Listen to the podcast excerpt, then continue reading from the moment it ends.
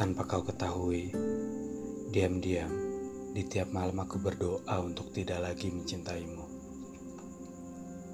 Namun keesokan harinya, di tiap bertemu, dengan sialnya aku justru semakin mencintaimu. Aku mencoba banyak hal untuk melupakanmu. Namun di tiap pulang dan memejam, wajahmu yang paling pertama hadir di pikiranku. Aku menahan diri untuk tidak bertemu denganmu. Namun di tiap mendengar teman-teman berkata kau akan hadir, dengan brengseknya hatiku tiba-tiba merasakan letupan bahagia. Bagaimana ini? Aku tahu semua ini salah.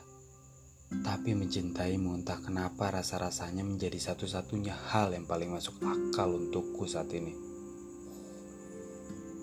Dekat saling cinta, tapi tidak saling memberitahu, itu menyakitkan. Dekat, saling cinta, tapi tidak bisa bersatu, itu lebih jauh.